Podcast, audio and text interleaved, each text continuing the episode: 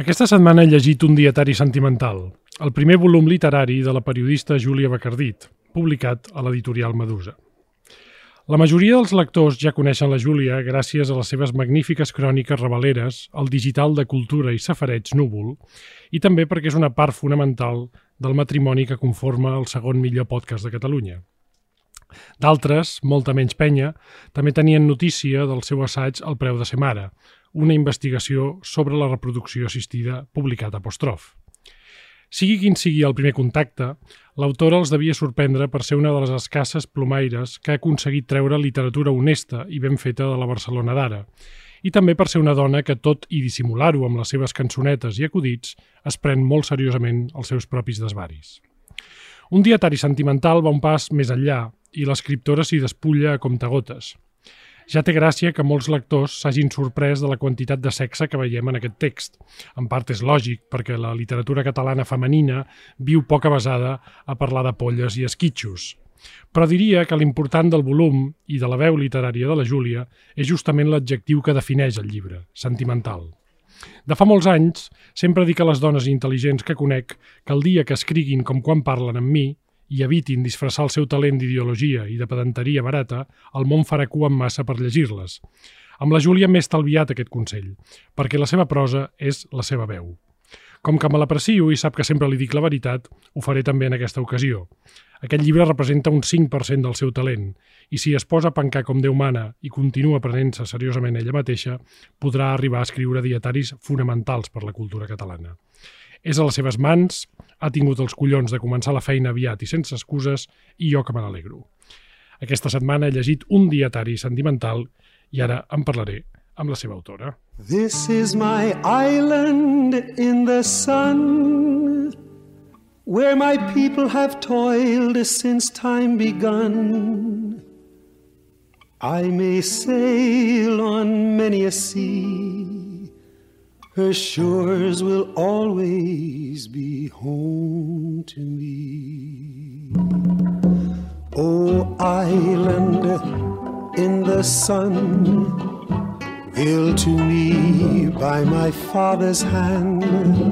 All my days I will sing in praise of your forest waters, your shining sun.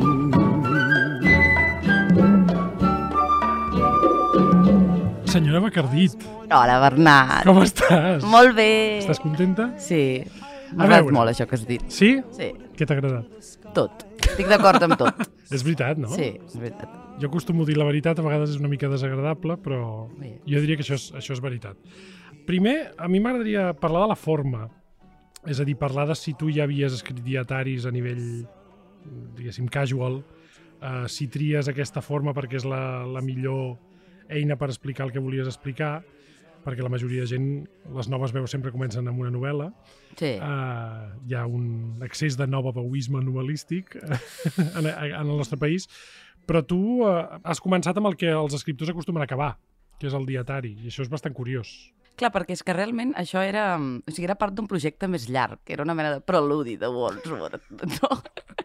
bueno, vull dir que realment jo això mm, vaig posar-m'ho a escriure perquè tenia ganes d'escriure, tenia la sensació que, Júlia, has d'escriure, has d'intentar fer alguna cosa amb això, que vols ser escriptora i no estàs escrivint. Dic, de què escric? Dic, bé, començaré per fer un Parlaré de mi.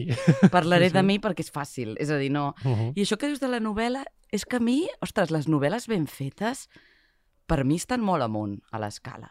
I llavors, per mi, jo trobo que mm, no em, no em plantejo fer novel·la fins molt més endavant a la meva vida. Per mi és al revés, perquè Mhm. trobo que és molt difícil fer una novel·la bona de veritat. Per això et dic que és curiós que la majoria d'autors, no? I d'autores, particularment... Perquè és el més comercial. Clar. O sigui, també una miqueta la- el món editorial està enfocat en aquí, de dir, vull dir que com que he estat a dintre, edicions de 1984, i conec el sector una mica, ho sé, de dir, el que ven són les novel·les. Ha aquesta idea, no sé fins a quin punt és veritat, però hi és. Jo diria que ven tot molt poc. La Sí. novel·la ven potser una mica més. Bueno, clar, hi ha la idea que és el gènere popular, diguéssim. Però en, en qualsevol cas era una cosa de comoditat, per dir-ho Sí, així. era una cosa totalment de comoditat i, i pensava que això seria llarg. És a dir, no pensava, ho publicaré ara, en absolut. Pensava, això és, és una prova, evidentment ho faig per publicar-ho, però pff, molt enllà en el temps. I Mhm. això potser també ha contribuït a la a certa honestedat, en el sentit que si és una cosa penses que la publicaràs d'aquí 20 Mhm. anys barrejat amb altres coses, és diferent, no? I l'has publicat per vanitat? Perquè et feia il·lusió tenir un llibre teu? Pots, pots dir-ho, eh? Dir, Estem molt a favor de la vanitat. Perquè m'ho van proposar. I llavors sí que per vanitat. és a dir, no, havi, no ho havia mogut, que ho hagués pogut fer, però com que pensava, no, això és incomplet, no ho havia mogut, però em van preguntar, tens alguna cosa? I dic, ostres, estaria bé treure algun llibre ara. Uh -huh. Ja que m'ho proposes, sí. David Galvez, sí que tinc alguna cosa. I sí que havia fet un dietari abans, bastant més divertit i infantil, que Mhm. són com els primers, les meves primeres relacions amoroses des dels 17 anys fins als 20 i pico. Oh. Més humorístic, perquè, bueno, El volem, el volem. Sí. Catalunya vol aquest fins dietari. aquí tot va bé, es deia. Però, sí, però, però bueno, no era tan literari, és a dir, allò no estava fet amb tanta vocació, diguéssim. No ho sé. Mhm. Hi ha, hi ha una, una cosa que he dit a la introducció i que m'agradaria parlar-ne, perquè jo diria que a través dels, dels articles, i aquí hi ha part dels, de, de, de l'articulisme, sobretot del Raval, Sí. eh, has trobat en un indret, diguem-ne, no confortable per naturalesa, sí que un, un entorn molt propici per explicar-te. Jo crec que el Raval t'explica molt i explica molt de tu que hagis trobat justament en un indret que la majoria de barcelonins consideren sòrdid, exageradament, eh? Vull dir, no és el Bronx dels anys 70, No però, però no és el lloc on aniria a viure una família catalana decent. Per l'altra banda, tu hi has trobat una zona de confort. Sí. I Això a mi em sembla molt curiós, no? Ostres, també em queda l'atenció que diguis que les cròniques del Raval parlen de mi, perquè jo intento parlar del barri. Vull dir que intento no fer el que he fet en el dietari, que es vegi alguna part de mi, però que que... la crònica sempre parla del cronista, eh? Sí, clar, Com- bueno. Començant pel focus, per això, per això et dic, Sí. no, no és un barri casual, és un barri molt significat. Llavors m'agradaria saber per què una mica què hi has trobat, què, què, és, què és el que explica una mica de tu que hagis anat a per allà, perquè no és només una casualitat eh, física que et trobis allà. No, bé, va ser una mica una casualitat, però ja em va agradar la idea. Jo crec que a vegades quan no hi ha aquest ordre és més fàcil parlar amb la gent o descobrir històries. És a dir, la gent del Raval tenen ganes de saludar-te pel carrer. En tenen més que altres llocs. És més fàcil. Perquè tens la sensació que potser no, no pertanyen tant, a vegades, encara que sembli, Sí, sembli sí. estrany. Sobretot la gent que és d'allà de tota la vida i que són catalans, espanyols, tal, en el sentit de que no tenen aquest comunitarisme tan fort, no? I que a vegades veus gent doncs, que de fet fa vida a la plaça, viu de poder saludar el veí una Mhm. estoneta, de poder emborratxar-se amb el veí una estona, o, o senzillament passejar o convertir a l'islam algun veí. No, No? i, també, I també no tenen ningú que els expliqui, no? Perquè tot, del Raval tothom en parla, però ningú no en té ni puta idea. No, de fet, vaig entrar al fons... Vaja, del- tenim la, la puta idea d'anar a fer-hi de tant en tant un shawarma o de fer-nos els interculturals en un barri que, de, de, de fet, tampoc és que sigui, saps? Que no és, no és Queens, per entendre'n, saps? No. De tota manera, jo l'altre dia passava per les Rambles i vaig anar cap al Gòtic i tal, i dic, ostres, el Raval encara és una mica refugi del turisme. És a dir, sí que tens Mm. gent que, que demana, que hi ha brutícia, que hi ha crits, però et pots fer una cervesa en una terrassa. Hi ha espai. El gòtic, no? És fort, dic- t'ho és a dic dir- Per experiència, sí. Clar, sí. tot i ser al centre, a mi aquest punt de... S'hi pot viure. S'hi pot viure perquè la gentrificació no ha arribat tan enllà i no és Besòs Mar, no és el Mhm. Bronx. O sigui, és una misèria que es pot, es pot tolerar bastant. Sobretot perquè tampoc no coneixem les cròniques policials, no? Vull dir, una Clar. miqueta el meu interès també, que això ha estat difícil, és poder parlar amb la policia de què passa allà, quina és la seva versió dels... Bueno, però això és una mica més complicat i no sé si... Però sí, jo crec que és aquest espai no espai, cèntric, no cèntric, aquesta cosa... És un barri molt poc de classe mitjana. Uh -huh. I això... Això ajuda. Entrant en, en part de la matèria que, que hi ha en aquest dietari, de les teves relacions afectives i de les teves relacions amb homes estrangers. Això és, és una cosa que la catalana terra ha cridat molt Ha l'atenció. Tens els, tens els, cron els cronistes eh, de la tribu molt escandalitzats. Molt esvalotats. Molt què, fa? esvalotats. què li passa a aquesta nena que no fornica amb catalans? aquesta és la pregunta que Catalunya... No, no t'ho pregunten directament així, perquè són molt educats, són... han Mira- escoles de pago, però, però tu ja saps que jo he anat a escoles de pago i, i no obstant això, t'ho pregunto, què Tot passa? català Què que valgui passa? la pena té la mateixa nòvia. Tots. Tots teniu la mateixa nòvia. I llavors... Una? Tots teniu la mateixa nòvia. No m'extendré. Amb- Però amb no apar- sóc aquesta. Amb, amb aparences diferents? No, amb aparences molt semblants i no és la meva. O sigui, és com una mena de sensació així sempre. Això ho has de desenvolupar perquè ara mateix hi ha centenars de milers d'homes catalans que estan escoltant aquest podcast i les nòvies d'aquest... La, la, la, no, la Clar, single, clar, la, l'única la, the nòvia- only one nòvia. Per això no ho volia dir, per això no ho volia No, dir. no, ara, ara aquí no es pot, en, en aquesta illa no pots tirar pedres i amagar la mà. A veure, no ho sé. El que també crec és que potser també hi ha molts catalans que s'enrotllen amb estrangeres. És una cosa que passa en aquest país. O sigui, mm, el meu cas potser crida l'atenció, és veritat. Crec que també ve d'un desplaçament intern meu, una mica. -huh. Un no acabar-me de sentir còmode en la meva pell i llavors a partir d'aquí buscar coses extraordinàries o no saber canalitzar la meva curiositat per coses més pràctiques com ara doncs, la feina o Uh -huh. ve una miqueta d'aquí. I O sigui, estimar l'estrangeria perquè et sents estrany una mica en el... Sí, no? perquè et sents una mica estrany. Davant no? tu mateix i davant de l'entorn immediat. Sí, estrany i avorrit. Com aquest, és aquest avorriment per la familiaritat que m'ha acompanyat una mica sempre i que no crec que duri per sempre, eh? Vull dir, no... Uh -huh. L'altre dia, un, un fan, vaig quedar amb un fan, vam estar Oh. parlant i em va dir sé que no tinc gaires números perquè sóc català. em va fer molta gràcia, em va, em va arribar al cor. No és Però la meva intenció. entranyable. Va ser molt entranyable. Però sí que és cert que és sintomàtic que, que els homes llegint aquest text moltes vegades diem, hòstia, què, què, què hem fet malament, no? Què falla? Sí, és com si em sentís com ferida i incompresa sense un motiu gaire incert, gaire cert. Saps? No, o sigui, realment no podria explicar ben bé per què. Només sé que amb els homes catalans hi ha hagut bastants desencontres, no, no m'han buscat prou, els que m'agradaven... Hi ha, hagut, hi ha sempre aquesta mena de...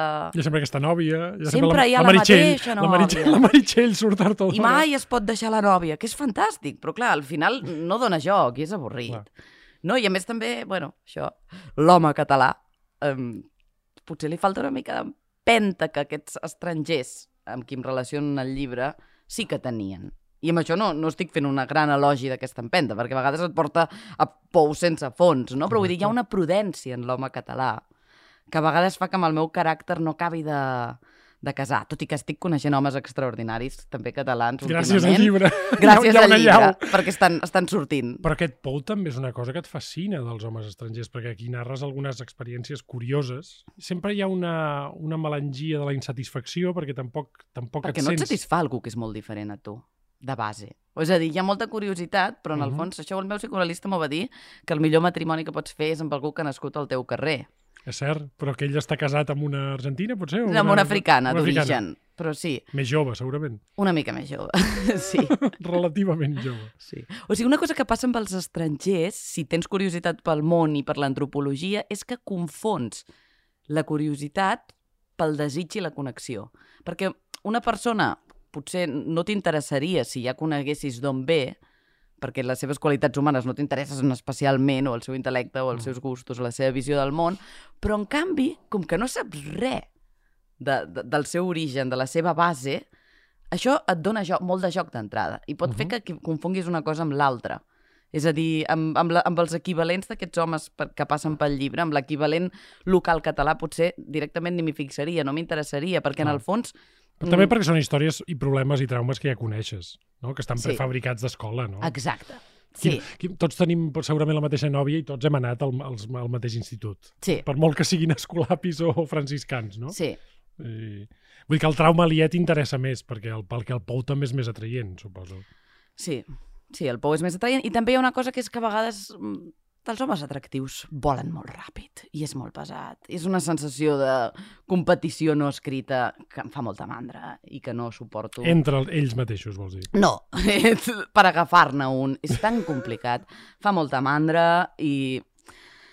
I a vegades és més fàcil parlar amb un africà que directament t'està dient hola, què tal? I jo sóc extrovertida i li contesto, m'entens? És molt més fàcil això que... Vull dir, més enllà del trauma familiar, eh? Perquè Mhm. vull dir, bueno, també m'he enamorat de catalans. Vull dir, que no hagi funcionat o que no hagi arribat no vol dir que no, que no m'hagi enamorat de catalans, no? Quan tu estaves escrivint, suposo que també notaves que aquest tipus de prosa que escrius sobre aquest tipus de relacions, eh, que tampoc ara la gent es deu pensar que estem parlant de- d'orgies amb, No, que amb, amb 300 nous, nouvinguts. No, no, No. al contrari, és una cosa, com jo he dit, molt sentimental, perquè és molt realment sentimental. d'això en parlarem després, dels, dels sentiments, no? però, però sí que és cert que la, la pròpia recerca literària és interessant perquè les dones no l'acostumen tampoc a explicar en català. Aquesta vehiculació de, de, del buscar l'inconegut a través del sexe, eh? que, que, que hi és en aquestes pàgines, sí. i a més està molt ben explicat, sí que és cert que la prosa, almenys la que jo conec literària, catalana i en particular la de les dones no és molt procliu a, escriure-la. Jo suposo que tu quan, quan ho devies estar escrivint ho devies pensar, no? Sí, per això vaig pensar que potser sí que tenia valor publicar-lo també. De Clar. dir, jo sé que no és gaire bo, que no hi podré treballar prou com, com m'agradaria, però crec que sí que té interès perquè hi ha aquest forat. Crec que té una explicació molt fàcil, no? Vull dir, estic pensant molt en, en aquests pintors francesos que van anar a la Polinèsia i que pintaven aquestes noies, no? Vull dir, els homes sí que han fet més això, o aquest Ah, d'excursionistes. exotisme, aquest excursionisme. Però clar, això les dones, clar, jo penso que la sexualitat femenina i la masculina són diferents i que mm, per una dona també sempre hi ha més risc en aquest buscar a través del sexe. Sempre tens aquella sensació de risc i llavors també s'ha de tenir un tarannà una mica particular per, per fer això. Que, a veure, que moltes dones tenen relacions amb homes estrangers aquí a Catalunya i algunes s'hi casen. De fet, vaig entrevistar amb la, la Norma Falconi, una activista Mhm. pel dret dels immigrants i, i li vaig comentar això de, del Valle Saliu, que havia estat... Bueno, que, que em vaig casar amb ell per papers, i em va dir, però què, què les passa a ustedes a las catalanas con los africanos? sí, perquè ella coneixia moltes històries i dic, Clar. bueno, tal, però no va funcionar. I em diu, jo sé que no funciona, no? Vull dir que... Bueno, potser hi ha menys aquest mm, buscar a través del sexe, perquè sempre hi ha aquesta cosa de que en el fons el que et convé és trobar un marit ben aviat, perquè és arriscat, és arriscat a nivell de possibles embarassos, de situacions incòmodes, de no em cobriran les necessitats afectives i això li dono molta importància No, ni perquè em se m'ha dit i i em perquè foto en em un terreny que no així. conec, clar.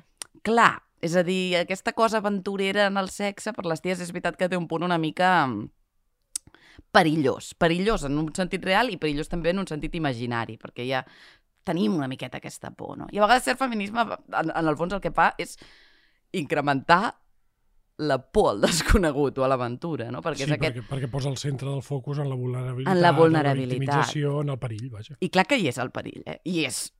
Però si Però- hi poses molt el focus i hi penses Però ens molt... agrada també el perill, perquè clar, si no tot és... Clar, sí. Sí, sí, eh, sí. Si no tot és el cruzanet que hi ha sota casa i, el, i, i anar al Mauri a esmorzar, no? I, Sí, i a més en el fons ens acaba relegant. És a dir, t'estàs quedant a casa perquè és molt perillós. Dius, bueno, i com que sóc molt feminista em torno a quedar a casa perquè és perillós. Clar. Clar, clar no. el, el, a mi m'agrada- m'agradaria parlar del, de la teoria dels sentiments que hi ha en aquest llibre, que és... perquè N'hi ha una? Home, jo diria que, a veure, que el títol és buscat. O sigui, a part de que hi ha una tradició de dietaristes sentimentals, dones, molt Sí. important, perquè les dones, justament perquè tenen una, durant molts segles una incardinació més difícil a la, a la societat i per tant els hi costa més fer novel·les en el sentit que els hi costa més... Sí, Els- una cosa ordenada, els costa i, magna. i, i els impedeixen dir jo estic aquí i ara vostè... El dietarisme sempre ha estat la, la, la zona amagada on les dones, per això han estat magnífiques dietaristes, magnífiques historiadores, eh, no perquè no sàpiguen fer novel·les, sinó perquè realment el, el mindset era diferent. Però a mi m'interessa el, el, el, aquesta recerca que fas dels sentiments, perquè també en totes les relacions eh, on, on, on que expliques, aquest casament per papers, després altres homes en els quals poses moltes esperances, també hi ha una decepció sentimental. Les decepcions al final d'aventures o sexuals són necs, no? Dius, bueno, no, no ha sortit bé, això és com un restaurant, no? Pues ja en provarem un altre, no? Però sí que és cert que jo trobo que tu ets una persona, en el fons, molt sentimental. Clar, aquest és el problema. Aquest és el problema. I, jo el que sí que vaig intentar molt és que no quedés, o sigui, que la prosa no fos excessivament sentimental, perquè jo ja sóc molt sentimental. I penso que llavors seria massa, no?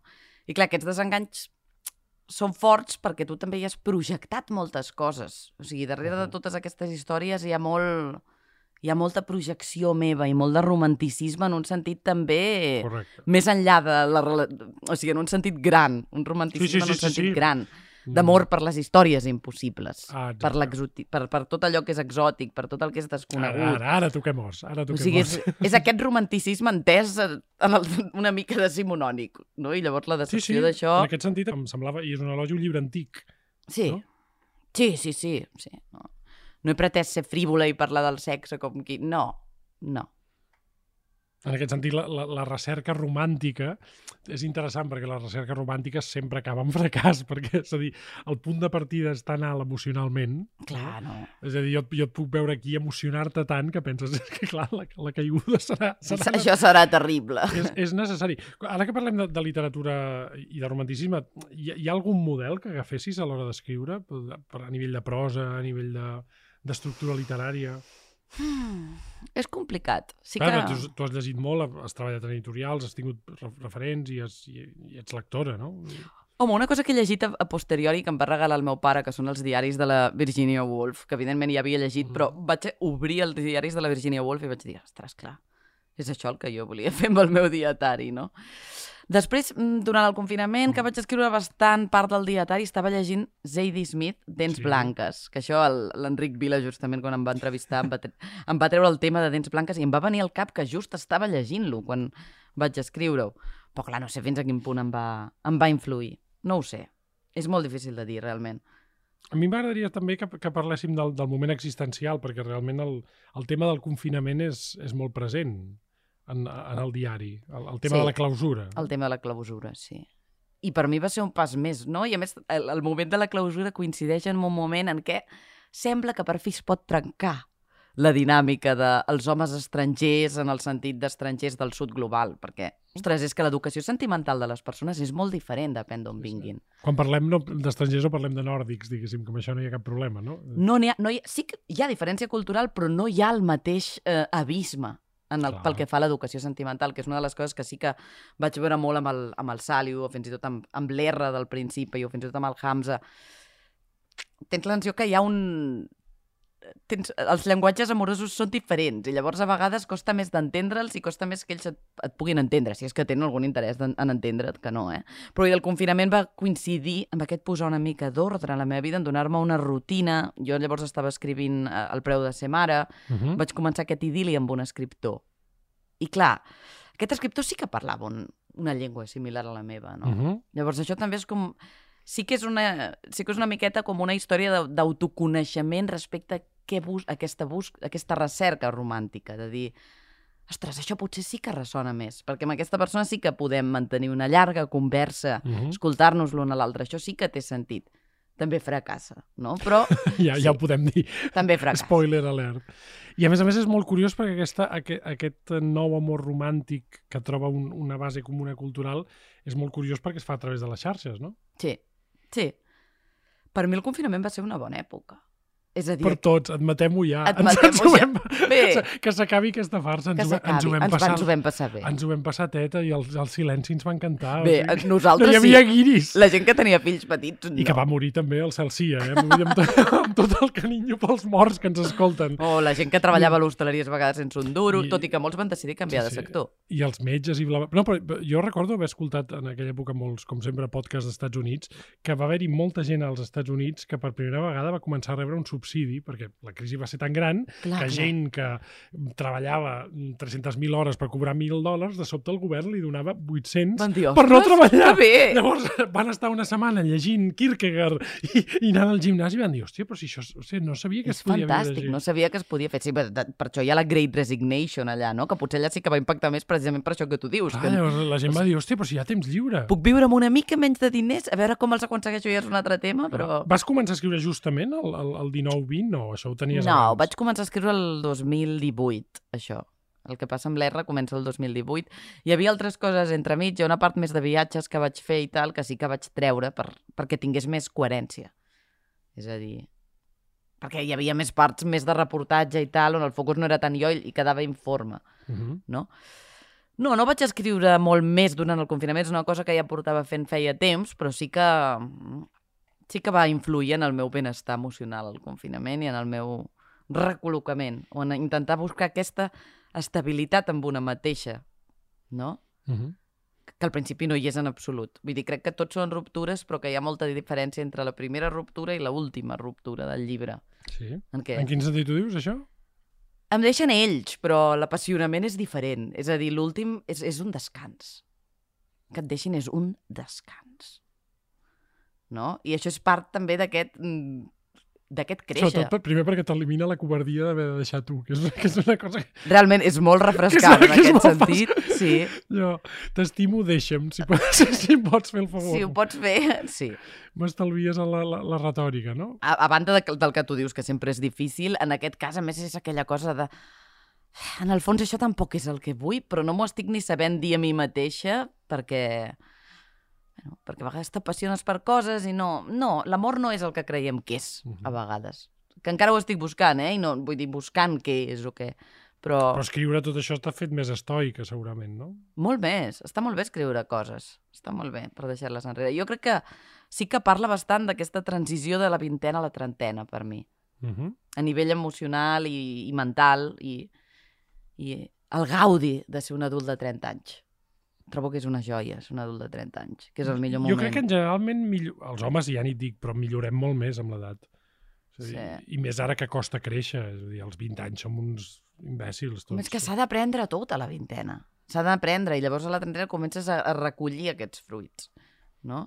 Potser això a refredar aquest romanticisme o a reenfocar aquest romanticisme que ja et dic que en el meu cas va molt més enllà de l'amor romàntic estrictament. Jo no sé si hagués jo inclòs les, les, les cròniques que vas fer, potser sí que és cert que els viatges deslocalitzen, però sí que és cert que, que també és un, forma part d'un retrat de generacional, una mica de la gent com tu, que ha tingut 300.000 feines, de que, mai no, sí. de que mai no troba una quietud. Per això enyorem el confinament, suposo, perquè és el primer moment que ens fa donar-nos de que per molt horrible que sigui tenim una casa, tenim, tenim un temps nostre, no? però sí que és cert que aquí hi ha part també d'una generació que és la teva, vaja, és que em fot molt dir això del precariat perquè ja s'ha convertit Però, en clar, sí, sí que ho és. però d'una un- generació que no pot viure del que treballa. Sí, vull dir, a veure, sí que és generacional. Vull dir, hi ha molta gent no, que diu, oh, dir que les coses són generacionals és caure en el reduccionisme, o... No, vull dir, jo què sé, es parlava de Sally Rooney com a fenomen generacional, després es deia, oh, però no ho encasilleu i limiteu en l'àmbit generacional. Pff, el meu dietari té un punt clarament generacional, perquè sóc millennial. I què vol dir ser millennial? El petit desengany, que ja tenim superadíssim, però bueno, eh, en la primera vintena, el, primer, el petit desengany de dir, ostres, serà dur viure, serà una mica dur, hauré de compartir... Dur en un sentit, evidentment, des del privilegi, però és pesat Euro- haver de compartir pis, per dur. exemple, Sí. constantment, Clar. amb totes les microgestions que implica. No és per res, sinó que és vull això. tenir una rentadora només per mi. Ja sé que he de rentar la roba, però vull tenir-la... Exacte. O sigui, Vull que quan l'obro no hi hagin 300 calçotets, no? Sí, sí. Això, això és una mica di- diferencia la, la teva generació i la meva. Nosaltres vam conèixer el benestar. A la vintena? Uh, sí, el que passa que encara no estàvem en la vida laboral, Ja. però quan teníem 20 anys el món funcionava, bueno, entén-me, eh, amb tot, eh, estic simplificant molt, però, però, però hosti, veníem de la febre olímpica, nosaltres aquesta ciutat era l'hòstia en patinet, els pares tenien més o menys diners. hi havia- Tenien calés, és que la gent va fer diners en hi, general. Hi havia una cosa com, una, com és la classe mitjana, que ens ha permès pues, tenir encara una caseta pues, fora de Barcelona. Sí. Clar, nosaltres tenim, tenim una caiguda del cavall, però vosaltres només us crieu en decepció. Dic, és aquesta impressió la que tinc. Sí, i a més funciona en doble sentit, perquè per una banda dius quina decepció i per l'altra dius com ho puc aprofitar això? Pues no arrelant-me gaire i provant una miqueta de tot. És allò que primer et cau el món a sobre perquè veus que no tindràs una feina estable i una casa i després dius, eh, no tindré una feina estable ni una És casa. veritat. Això, el que, aquesta èpica que jo mateix m'he m'he explicat per autodestruïsme, calla, és veritat. Calla, és veritat, i a més a més, llavors et situes al món d'una altra manera, també. Per tants menys. El fet d'anar d'un lloc a l'altre, encara que sigui dins de la mateixa ciutat, però perquè t'has d'anar canviant de pis i de feina, també et desarrela una mica, Mhm. Sí, sí, et fa no pertànyer a algun lloc. eh, Per això, per això és interessant... acèrrima. Tornant, al, tornant al, a l'inici de la conversa, penso, penso que curiosament, per molt que sembli paradoxal, al Raval hi trobes una zona de confort, perquè és un barri on la provisionalitat, on el Exacte. moviment és més, eh, és més Sí. bèstia. és Sí. més bèstia. Abans de que acabem, et volia preguntar si, si, si això tindrà continuïtat i com els, els teus mentors, esperem, espirituals, Mm. seràs la nostra Nausgar, que és el que volem tots. Oh, m'agradaria molt anys. ser Nausgard. Home, és que a més és... rica estaries... Eh, ja estàs estupenda, eh? però rica jo trobo que estaries molt bé. I, ah, sí? I què diria rica? No sé que si sabria escriure rica. sí, segur que perquè sí. i, i, a més tindries... Jo et veig amb un jet privat.